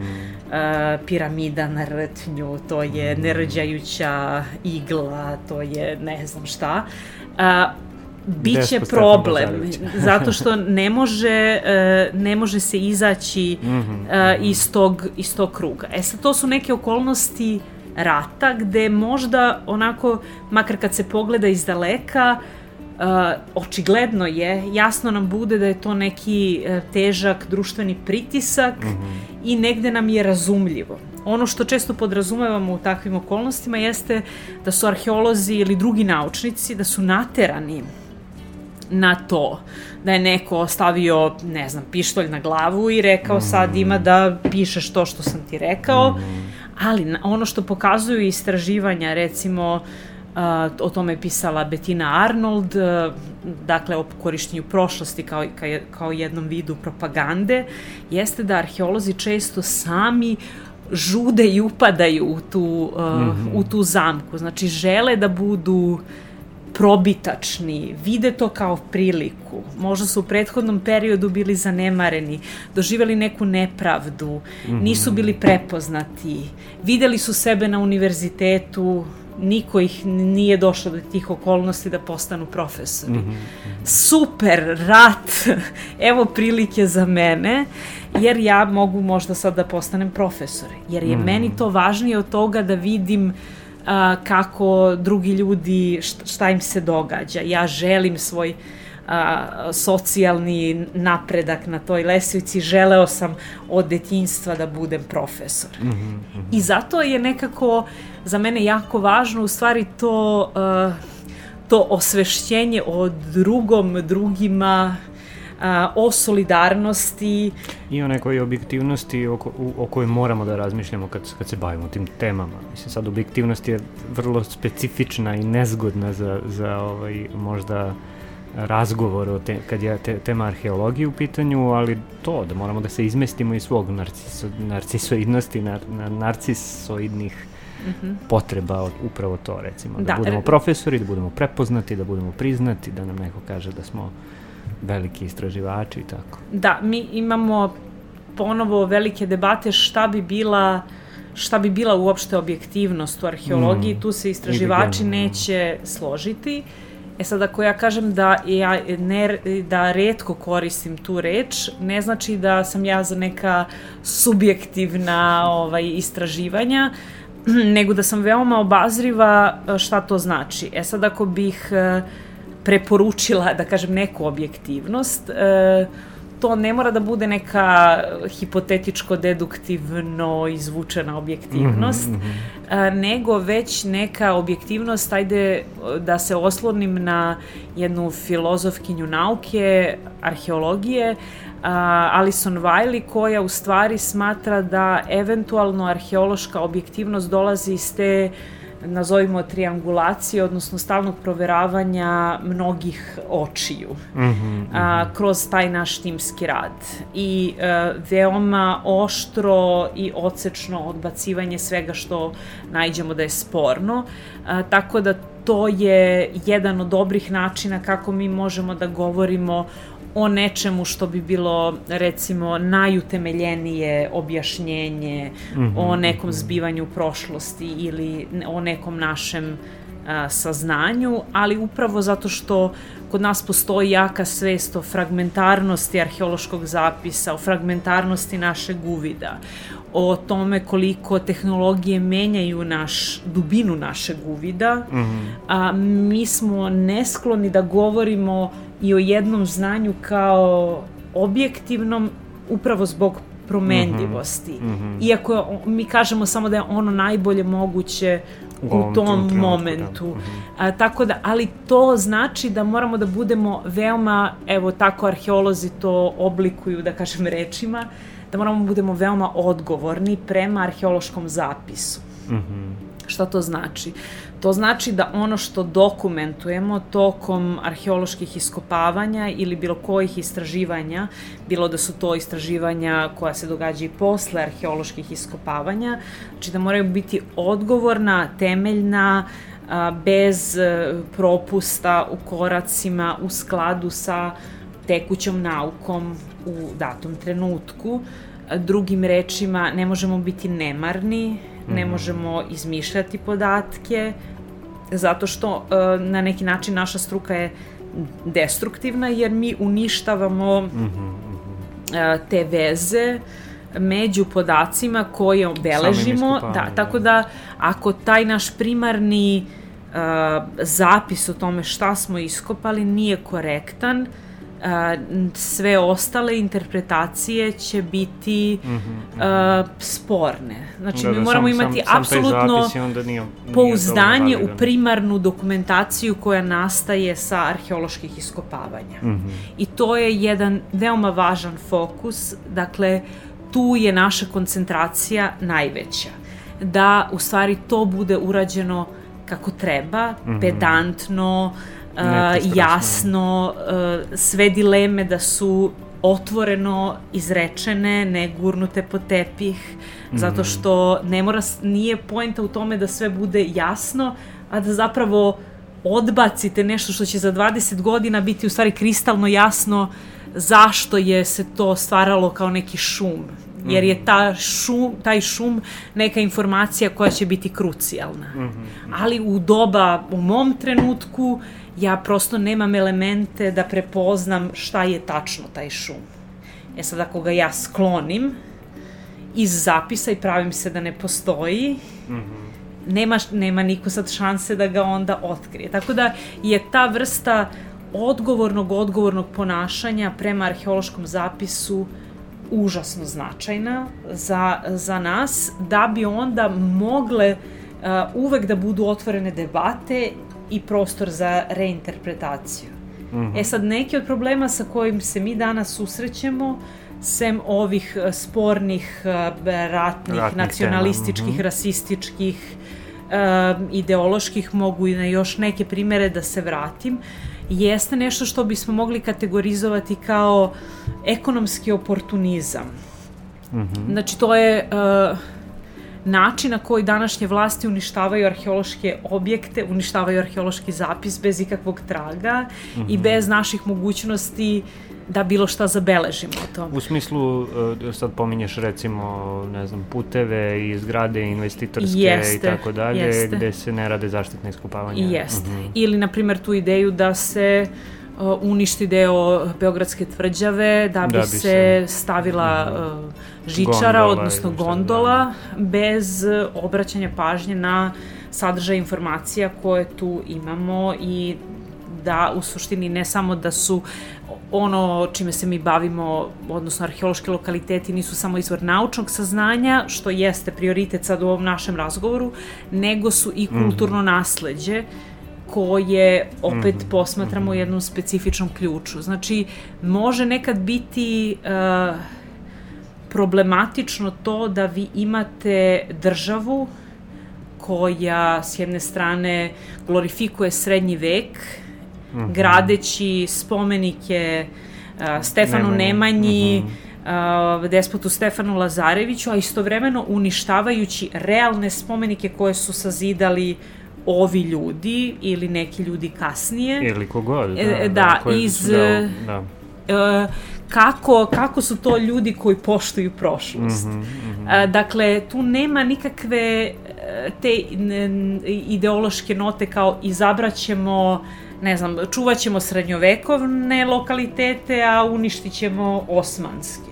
Mm -hmm. Kao što mi imamo dugu tradiciju uništavanja svega osmanskog mm -hmm. ovaj, e, u našoj zemlji, naročito ako je materijalno, mm -hmm. dok su ne, nematerijalno kulturno nasledđe je veoma, mi smo baštinici uh, uživanja u duvanu, teferičima, uh, mi volimo sve to što je... Pa zato što jesmo deo tog kulturnog identiteta jesmo, koji se nekako jesmo. razvija Ali smo materijalni vekovima. trag koji mm -hmm. je mhm. veoma važan u tome mm -hmm. da se definiše šta jesmo, mm -hmm. koji smo mi to narod, da tako kažem, to, to se uh, olako uništava. A, takođe, uh, postoje drugi, recimo, ideološki pritisci koje vredi ovde spomenuti, recimo, a, iz spoljne perspektive je delovalo logično a, recimo iz perspektive nekih evropskih istraživača ili američkih istraživača da je tokom 90. godina došlo do zloupotrebe arheologije u političke i nacionalističke svrhe mm -hmm. i vredi reći da je najveći deo arheološke zajednice bio deo uh, scene alternativne koja se bunila, mm -hmm. deo koja je učestvovala u protestima, mm -hmm. koja je bila antiratno orijentisana, ali uh, jako izolovana i uh, prosto došlo je do neke vrste um, prosto nehvatanja koraka sa svetom kao mm -hmm. i sa drugim naukama, jer dotok literature, odlazak na konferencije, mm -hmm. sve je to tokom godina izolacije bilo, uh, jel, nije bilo prisutno. Mm -hmm. S jedne strane to i postoje neki primeri uh, gde u stvari je došlo do eksplicitne uh, zloupotrebe. Mm -hmm Uh, to je ideja recimo koju je izložio kolega Đorđe Janković uh, u knjizi Srpske gromile koja je izašla uh, 1998. godine uh, gde je u suštini on determinisao humke koje najčešće nisu imali ostatke neke osteološke, dakle ne, nema mhm. grobova najčešće, nešto materijalne kulture je po tim humkama pronađeno uh, ali tako tešk, teških, teško je bilo za identifikaciju i ti te humke su se uglavnom nalazile na prostoru a, dakle današnje Hrvatske, Bosne i Hercegovine, dakle on je tokom rata odlazio na te teritorije sa studentima i istraživao a, te humke da bi u stvari pokazao etnički prostor Srba. E, kako se zove, izvini, knjiga i... E, knjiga se zove Srpske gromile, uh a, mhm. autor je Đorđe Janković. Uh -huh. a, on je meni predavao, više, nažalost, nije živ da bi smo imali neku živu debatu, da tako kažem, na ovu temu. A, ono što je problem jeste što je on deo te paradigme, mm koja je etnicitet i narod videla kao neko glavno istraživačko pitanje mm -hmm. arheologa i to na osnovu materijalne kulture. A, ja vidim tu njegovu zloupotrebu kao samo da je doveo sve parametre do kraja na neki način, ali u principu on nije odstupio od te takozvane mm -hmm. kulturno-istorijske paradigme. Mm -hmm. Samo nekako uh, drugi istraživači kao da su imali neki unutrašnji senzor da baš ne dovedu sve te metode i konceptualizacije do kraja mm -hmm, u politički burnim mm -hmm. vremenima. Mm -hmm. A, tako da je meni zanimljivo i to pozicioniranje njega kao nekog, ajde da kažemo, glavnog krivca, mm -hmm. a, zato što jeste ekstreman primer, bez svake sumnje. Mm -hmm. Ali a, meni je interesantnije ta šira tendencija koja ako se odstrani on kao vrh ledenog brega, onda zapravo mm -hmm. ta šira naučna tendencija može da preživi. I mm -hmm. ona i dalje preživljava u srpskoj arheologiji. To su isti ljudi koji tu ovde da. rade na fakultetima, da, ne, neki, rade na da, institutima, da, da, da. da. da. A, I a, u suštini a, to, to je sad zanimljivo a, koliko se umekšava interpretacija da ne bude tako eksplicitna, ali da mm. zapravo sadrži te zametke da u arheologiji primarno govorimo o arheološkim kulturama, a da arheološke kulture zamišljamo kao etničke identitete. Mm -hmm. A da ne razmišljamo šta je u, ne znam, socijalno-antropološkom smislu uh, etnički identitet. Mm -hmm.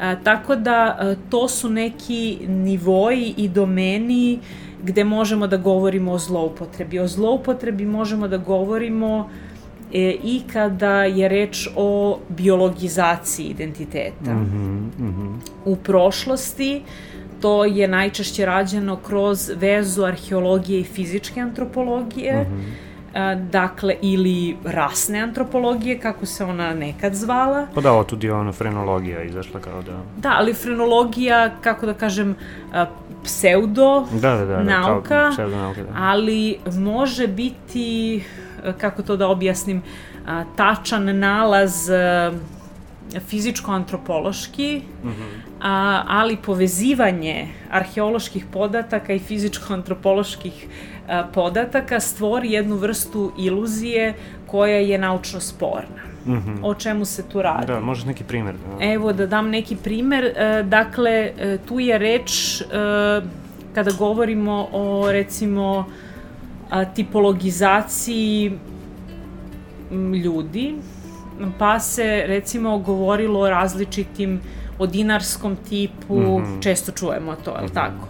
ali nekako ono što se prenebregava ne kaže se dinarski rasni tip. Mm -hmm. Jel bi to nama malo zvučalo... Bilo bi previše eksplicitno. ovaj, m, čudno, pa bismo se malo pobojali da li to je baš mm, da korektno da. i sme da se kaže. Ali to je ono što se kaže u toj tišini između mm -hmm. dinarski i tip. I tip, da, da. E sad kad se dinarski i tip povežu sa određenim a, određenom materijalnom kulturom, mm -hmm. a kad to neko shvati kao rasni kontinuitet, mm -hmm. onda nastaje a, sporna, a, sporna politizacija nauke. Mm -hmm. Ili ako neko želi da politizuje zapravo nauku u tom smeru, onda mu je super što postoji ovakav koncept i... Da, i, i, ta, i to je ta da. ideja da neke stvari koje su zaključici prošle nauke, mm -hmm. da su ta znanja večna. Mm -hmm. Znači, ako je u, u prvoj polovini 20. veka u Jugoslaviji bilo veoma značajno da se govori o dinarskom tipu, o dinarskom čoveku, ne znam, Vladimir Dvorniković, e, Niko Županić, razni ljudi, metafizički, a i fizičko-antropološki, a, razni ljudi koji su se bavili rasnom higijenom i tako dalje. Mhm, mhm. A, ne znam, Branimir Maleš, slično. A, dakle, ako je to jednom dosegnuto znanje, da li mi možemo da kažemo nekad, izvinite, ali mi smo došli danas do toga da je to znanje sporno. Mm -hmm, mm -hmm. I može li, ako je Jugoslavija bila pobednica u drugom svetskom ratu, dakle bila je, nasuprot uh, onih sila gde je došlo do ekstremne zloupotrebe nauke, poput nemačkog konteksta, mm -hmm. jel to ne znači da je u prvoj polovini 20. veka ovde bilo rasističkih ideja? Mm -hmm. Jesmo mi abolirani da ih je bilo i je li to Znamo da razlog da, da, da žive i preživljavaju do današnjeg dana? Mm, znamo da ih je bilo čak i u nekim, na nekim mestima gde ovaj, ne bismo nikad ni očekivali to je sad. I ona priča o Nikolaju Velimiroviću i njegovim... Da, da, da. da. Koji sad iz aj sad nije ni važno kojih razloga, nekako pokušavamo da potpuno skrajnemo i da ne pričamo o tome, nego pričamo o drugim stvarima. Tako da meni je, na primjer, ta ideja da u, naš, u istoriji naše nauke nema rasizma i da nema tog, e, te vode ponornice, ja to volim tako da vidim, koja povremeno izbija na površinu mm. kroz neke interpretacije, recimo interpretacije o autohtonim kulturama mm -hmm. koje s, imaju upravo tu formu uh, rasističke ideje koje je recimo promovisao Vladimir Dvorniković 39. godine mm -hmm. uh, i može se to uh, lako ispratiti ako se prate te konceptualizacije. A, tako da, recimo, to je jedan domen koji E, je neka vrsta tabua, ne znam, u našoj sredini da uopšte o tome govorimo, jer ulazite onda tu odmah u političku dimenziju, partizane, četnike, e, dakle, ne, ne treba vam da, da. to, ali mm. eto, to je, moje je da to konstatujem. Drugi domen koji se meni čini veoma sličan, dakle, paralelan, ali potiče iz našeg vremena, to je domen uh, povezivanja arheologije i genetike, mm -hmm. koji može da bude fantastičan, s jedne strane, a može da bude i jako spor. Mm -hmm, Šta razlikuje spoj nekog interdisciplinarnog susreta e, da bude sjajan ili da bude problematičan?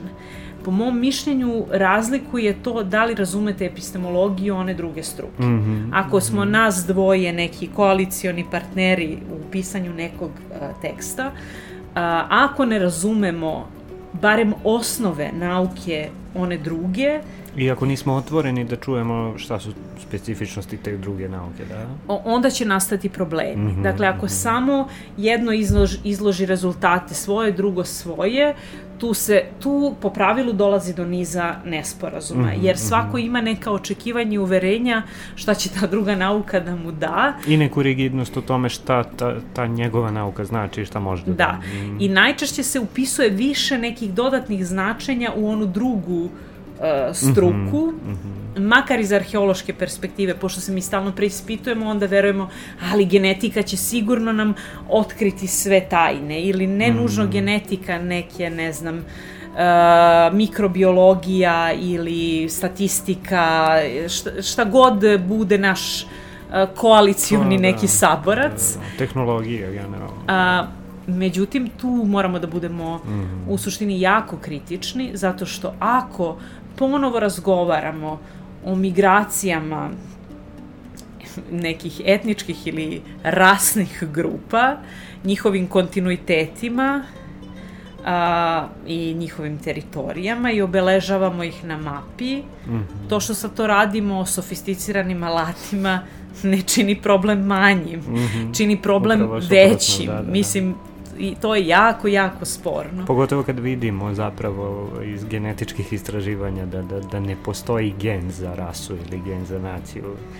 A, ovaj, to je nešto što ne znam, mislim, nekako mi to deluje potpuno ne mogu da zamislim uopšte, a, a, a svuda se dešava okolo. Kao što ne mogu da, ja uopšte ne mogu da, da, da, da se odredim na neki način etnički. Znači, ja kao ja ili, ili ne znam, ono, nacionalno i tako dalje. Što, što reče ja naš kolega Nikola Vitas je u nekom intervju za Peščanik 2006. još kad je bio onaj uh, novi ustav, kaže, piše tamo Srbija je zemlja svih uh, Srba i drugih, tako nešto Aha. beše. I kaže, ja kad ustanem ujutru, ja ne vidim ni jedno ni drugo u ogledalu. e, to, to je to. Ja uopšte ne, ne mogu da, ovaj, nemam taj mentalni sklop da to, da to, da to tako posmatram a svuda okolo ono cveta da, to, ta, ta druga vrsta ideje se forsira možemo o tome da govorimo i ovako uh, mislim ja zloupotrebljavam često svoje roditelje pa kažem uh, u suštini njihova tela su, njihova genetika je identična recimo pre 91. Mm -hmm. i posle 91. Mm -hmm. ali su nekako bili Jugosloveni pa su nekako postali Srbi. Mm -hmm. A, a njih, u njihovoj krvi se nije ništa desilo, ostarili su, mm -hmm. ovaj, to je tačno, a, ali ništa se nije dogodilo sa njihovim skeletima, ništa se nije do, dogodilo na biološkoj razini mm -hmm. sa tom političkom promenom mm -hmm. koja se dogodila na ovim prostorima. I sad to je moja karikatura a, koju smem da zlorabim a, iz ličnog arhiva, ali a, u suštini to se dogodilo sa brojnim ljudima Mhm, i mhm. porodicama I ne samo 90-ih, nego, i nego i u bili, drugim ono. periodima. Mm. Tako da je pitanje, znači ono što moramo da se zapitamo jeste da se vratimo na epistemologiju, kako znamo ono što znamo.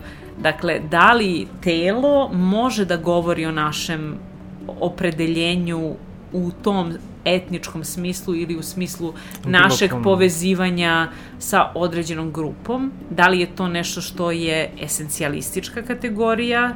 Ja bih rekla da nije, ali tačno je da se u ranoj nauci e, to tako Mm. uzimalo zdravo za gotovo. Ono što mi danas znamo, makar i socijalne antropologije, jeste da je e, naše određenje u smislu pripadnosti nekog, nekoj grupi relacionog tipa. Znači, Mhm. nama je veoma važno kako ta grupa se odnosi prema nekoj drugoj grupi i mi se onda određujemo u odnosu na to Kako kojoj te- grupi da. pripadamo, Mhm. kako nas drugi vide, Mhm. Znači nije samo do nas da li se identifikujem ja kao pingvin trenutno, Mhm. što možda jeste moje najautentičnije. Ali ako Ovaj, drugi uopšte nemaju jezik i, i Ali ako mindset, drugi ne vide da- mene da, kao pingvina, ovaj, to Ne postoji ta grupa, da. i identitet taj, e, znači on nekako mora da se izražava Mm. tako da bude e, vidljiv, uočljiv, razumljiv, e, tako percipiran i, i od Mhm. drugih. E, tako da negde u toj kombinaciji toga kako mi sami sebe razumemo i kako drugi shvataju nas, tu je okosnica toga šta je neki grupni identitet. I takođe pitanje granice je veoma značajno između različitih grupa i toga Granice u smislu... Uh, u smislu kontaktne zone, ajde tako Aha, da kažem. aha. Najčešće To, se to. isto zamišlja da je e, nešto što je grupni identitet, on nastaje u izolaciji.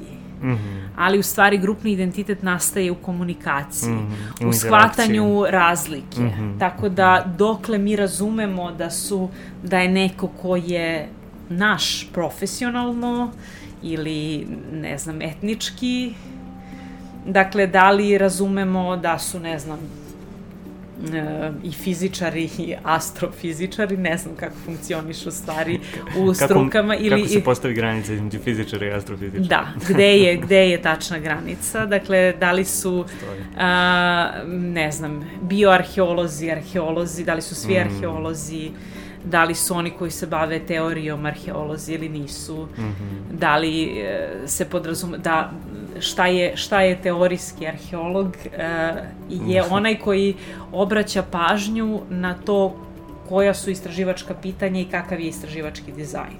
Mhm. To je teorijski arheolog. Kakva je struktura te, uh, arheologije kao teori, teorije, nauke, discipline, kakva je struktura zakona pod navodnicima koji se koji se koriste u arheologiji? Da, sad je pitanje da li bi iskoristila ovaj taj termin zakona, Pa da, ja ga koristim zato Da. što dolazim iz te ovaj, takve nauke koja se bazira na pravilnosti. Mhm, mhm. A, tako da mi u određenom domenu zaista možemo da govorimo o pravilnostima, ali u najvećem delu teško da možemo i ja sam više zainteresovana za ove haotičnije ovaj, bez zakona ovaj, oblasti ljudskog delovanja i, i, i reakcija, ali u svakom slučaju ono što hoću da kažem, a, teorijsku arheologiju ne karakteriše to da ona ne kopa, nego da je to ona oblast koja obraća pažnju kako konceptualizujemo određena pitanja i ka, kakav istraživački dizajn pravimo. Mhm. A ne, a, a teorijska arheologija, mada nijedna nije ateorijska, svaka ima neke konceptualizacije, ona koja smatra da se podrazumeva šta se radi Mhm, mhm. šta se uzorkuje, šta su pitanja i ta se najčešće završi na tome da datujemo i da kažemo koji je ovo narod. Mhm. Tako da, kada kažem da sam teorijski arheolog, ja po tim mislim da u stvari propitujem na čemu počiva naše zaključivanje i da sam vrlo rigorozna u tom pogledu a ne da volim da sedim u ovoj uh, salonskoj stolici a, na filozofskom fakultetu. I razmišljam. Da, i razmišljam, volim da razmišljam, To, tačno je. Tako da tu smo... Nacrtaj arheologa, kad bi pitali decu nacrtaj arheologa, oni bi vjerojatno nacrtali neko ko kopa i, i ovaj, sa šeširom Indiana Jones tipa i tako dalje, a nikad ne bi nacrtali osobu koja sedi za stolom ili računarom ili sa knjigom. Da, u stvari je lepota naše struke, i sad izvinjavam se što pretežem ponovo na, na te dobre strane, a, ovaj, taj pluralitet mogućnosti Mhm. i profesionalnih specifičnih bavljenja e, i aktivacije nekih talenata koji se ne čine da će vam ikad biti potrebni, ali ne znam, ako ste skloni a, crtanju ili ako ste skloni digitalnim tehnologijama, ako ste se obučili a, ne znam, u Blenderu, u Maji, u ne znam, AutoCAD-u, a, to će vrlo do, Mhm. dobro doći. Znači, vi možete, ili ako ste dobri u, ne znam, a, nekom filozofskom promišljanju, to, to će vam opet vrlo Mhm, dobro doći. mhm. Ako vas interesuje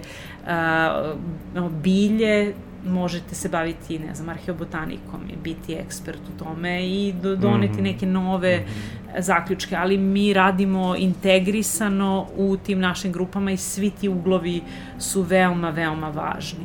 Tako da, uh, dakle, da se vratimo na ove loše aspekte, neki su ideološki problematični, a neki su zloupotrebe e, koje proizilaze iz nemara i lenjosti, Mhm, mhm. iz nehata, e, bavljenja ovim osnovnim arheološkim zapisom. Jer ako je e, banalna interpretacija, to nije problem. Mhm. Mislim, ako je arheološki zapis taj osnovni, osnovni Očuvan. nivo informacije koje imamo dobar i korektno urađen, ako sam ja napravila neku banalnu interpretaciju toga, ok, zajednica će to da proceni i da jednostavno odbaci to kao neko Mhm. ne baš zadovoljavajuće rešenje ili loše rešenje. Ili čak i ako je suprotno, ako je netačno, ako je ili isto, b- da. neka greška se Mhm, konstatuje, problem u zaključivanju, problem Namerno ili nenamerno, Mm, svejedno. svejedno, Da. Mhm. to će se odbaciti i to je okej. Mhm, Onda će na osnovu ovog primarnog zapisa neka druga osoba a, rekonstruisati na drugačiji način i doći će do boljeg rešenja. Mhm. Zajednica će onda to prihvatiti dok se ne dođe do nekog novog napretka u tom pogledu. Međutim, ono što jeste problem, nenadoknadiva šteta za čovečanstvo, Mhm. jeste ako taj primarni zapis bude uništen Mhm. bilo iz nemara arheološkog, bilo uh, iz nemara države. Mi zbog nemara države. Mhm. Uvek uh, se malo iznerviram oko nemara države, pa ovaj, uh, počnem drugačije da ne mogu da složim rečenicu koliko me uznemirava da država koja je potpisala niz konvencija da se stara o kulturnom nasleđu a, zapravo to ne radi. Pri čemu ne vidim čak ni da je tu neka ideološka namera za uništavanjem, nego prosto nemar i neki finansijski interes kapital, koji leži na, na mislim. drugoj strani, da. Mhm, mhm. Da, ajde napravimo pauzu sad ovde. Jeste, kapital vrti gde Burgija neće i to je vrlo veliki problem i ovaj, sve je klasa, što bi rekla jedna ovde isto koleginica sa ovog fakulteta Kaja Damjanović. Ovaj, pravimo jednu malu pauzu eh, pa ćemo da se vratimo da zaokružimo pošto pričamo već eh, koliko, skoro sati, 40 minuta. porque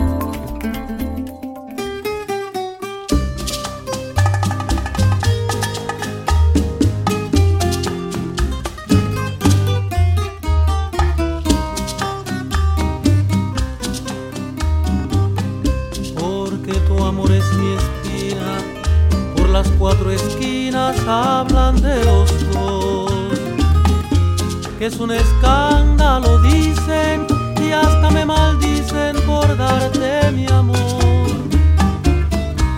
No hagas caso de la gente, sigue la corriente y quiéreme más. Con eso tengo bastante. Vamos adelante sin ver qué dirán. Si yo pudiera algún montarme a las estrellas, conmigo te llevaría a donde nadie nos viera. No hagas caso de la gente, sigue la corriente y quiéreme más. Que si esto es escandaloso, es más vergonzoso no saber amar.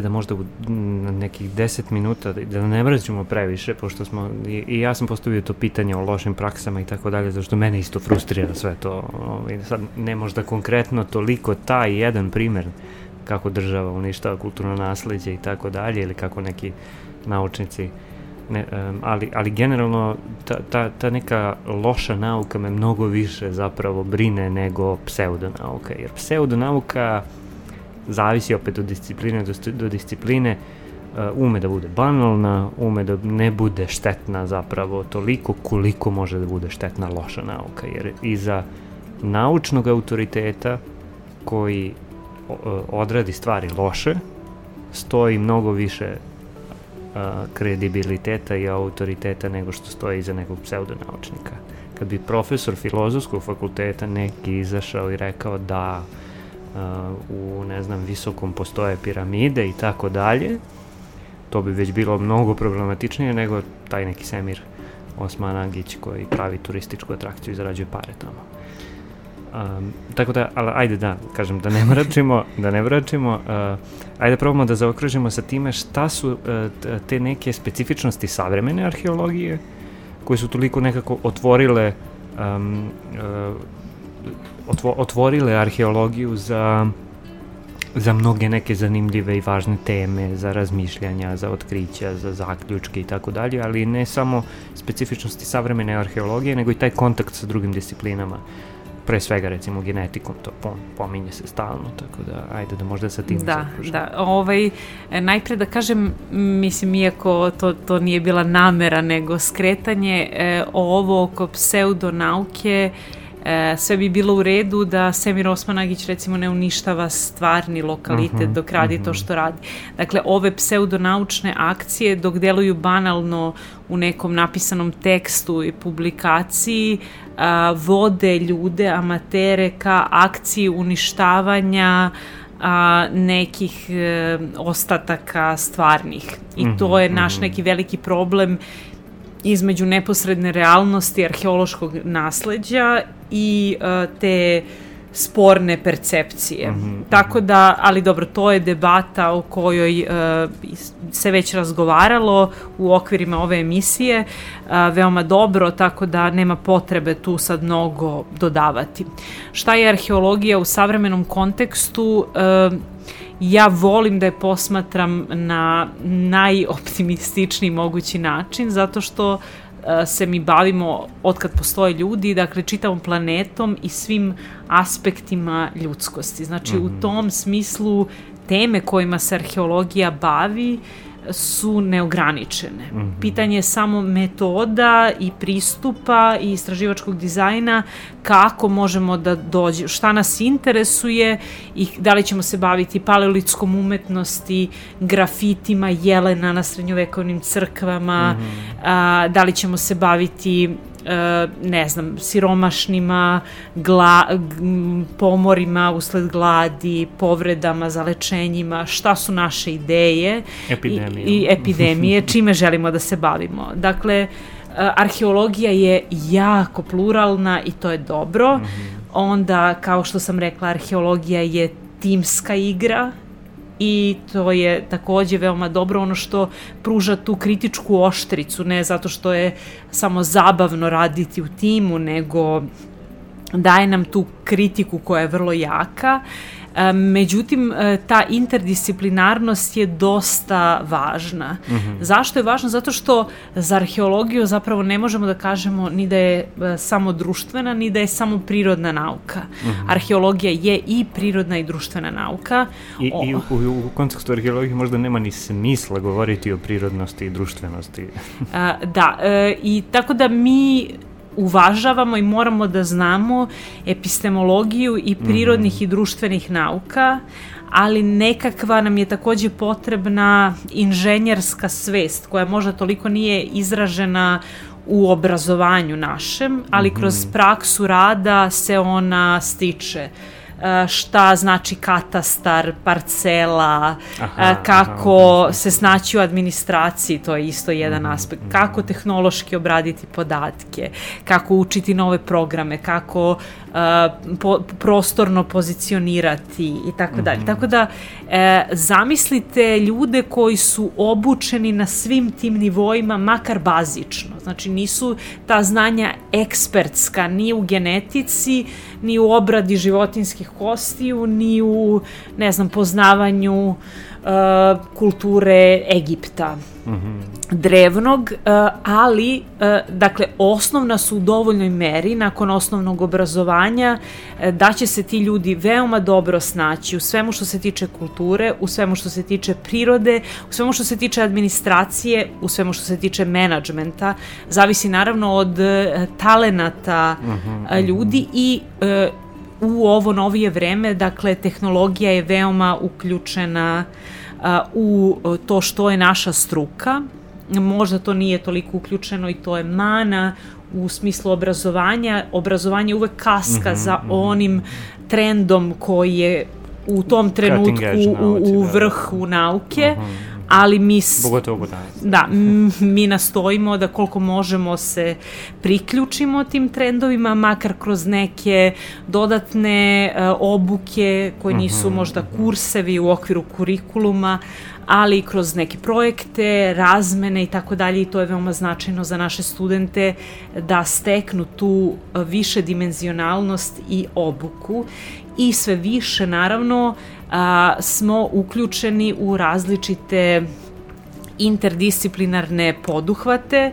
A, ti si spomenuo genetiku, ja sam pričala o zloupotrebi genetike na neki način, ali takođe potpuno fascinantno istraživanje, ne znam, o migraciji ovaca sa Bliskog istoka, koje možemo da dobijemo iz analize, recimo, uh, genetske, e, e, onog što možemo od genetskog materijala iz životinskih kostiju. Dakle, mhm. veoma nam je značajno kako u stvari dolazi do uspostavljanja a, neke druge vrste odnosa, onog što se najčešće tradicionalno zove domestikacija a, mhm. određenih vrsta u neolitu, dakle koliko je to jedan rovit i težak proces, šta treba, kako životinja putuje, koja mhm. nije naviknuta na promenu sredine, koliko je treba, šta se događa, da li životinje uginu na tom putu, kakve su to mhm. bile migracije, recimo ovaca sa Bliskog istoka, mhm. u, ko, u kolikim grupama. Ono što je, recimo, za mene na konceptualnom nivou najuzbudljivije što se trenutno događa u tom interdisciplinarnom susretu jesu takozvane studije ljudsko-životinskih odnosa, mm -hmm. izlazak arheologije iz antropocentrizma. Mm -hmm. To ne znači zanemarivanje čoveka i toga šta čovek radi i da je materijalna kultura negde i ekofakti koji okružuju čoveka nešto što, što smo zaboravili. Mm -hmm. Ali naše razumevanje da smo deo uh, uh, carstva životinja, da smo deo prirodne sredine, mm -hmm. da smo deo okruženja u kome smo mi segment. Znači, neko izmicanje fokusa ne samo ovako da smo bukvalno prineli naš, našu lupu ovaj, ka čoveku i čoveku u prošlosti, mm -hmm. nego da razumemo tu celokupnu interakciju živog i neživog sveta i čoveka. I meni ta vrsta konceptualnog pomeranja koje uključuje životinje, naročito u uh, naše interakcije, odluke, mm -hmm. razumevanje kako kakvi su naši suživoti, ne samo ljubavni i ljubazni kroz priču o, ne znam, ljudima i njihovim ljubimcima, mm -hmm, čoveku i psu i tako dalje, nego, nego idejni. Nego da, da. i, dobro, i idejni, ali i opasni. Mm -hmm. I kako se čuvamo od određenih životinja, kako učimo određenim, ne znam, biljkama. -hmm. dakle, naše odluke dosta zavise od ne znam, poznavanja narastanja hleba i kvasca. E, dakle, od poznavanja šta se događa u prirodi mhm, mhm. koja nas okružuje. Ako nekako to uzmemo kao neku statičnu scenu koja nema dinamične odnose međusobno i dinamične odnose sa nama, onda gubimo mnogo toga. Mm -hmm, I zato je u stvari meni predivno da razumemo te višestruke odnose ljudi i njihovog okruženja. -hmm. Naravno na jedan racionalan i temeljan način bez ekstremne romantizacije, romantizacije koja može kažem, doći da, da, da. kao posledica ovih svih naših problema e, i ekološke krize. Znači tu moramo biti mm ponovo veoma obazrivi i oštri, ali ne smemo to da izgubimo iz vida. Um, Ništa, možemo, mogli bismo nastaviti stvarno još ovaj, e, mnogo dugo kad god su ovakve teme u pitanju ja dođem do kraja emisije i uvek je nekako ja pa tek smo počeli. E, hvala ti mnogo za ovih skoro dva sata e, i ovaj, pogotovo po ovom letnjem vremenu što, što si izdvojila. E, nema na čemu, bilo mi je izuzetno zadovoljstvo i nadam se da sam donekle prenela uh, E, uzbuđenje koje arheologija e, izaziva u ljudima i e, njen značaj za društvo u celini. Ma, meni jesi, znači ja, sa, ja sad ovaj, što, što više razgovaramo, sve više nekako sam bliži pomisli pa kako bi bilo dobro kad bih upisao arheologiju. da se bavim arheologijom zato što toliko je cool i zanimljivo i specifično. A, ne, mislim da neće to da se desi. Tako Ali da... to i jeste najlepši posao na svetu. Ali ako bar neko ko sluša ovo, ko je trenutno možda srednjoškolac ili ne mora ni da bude srednjoškolac, a, je ovaj, se zamislio i a, možda a, dobio ideju da možda krene da se bavi arheologijom, ja mislim da je ovo super.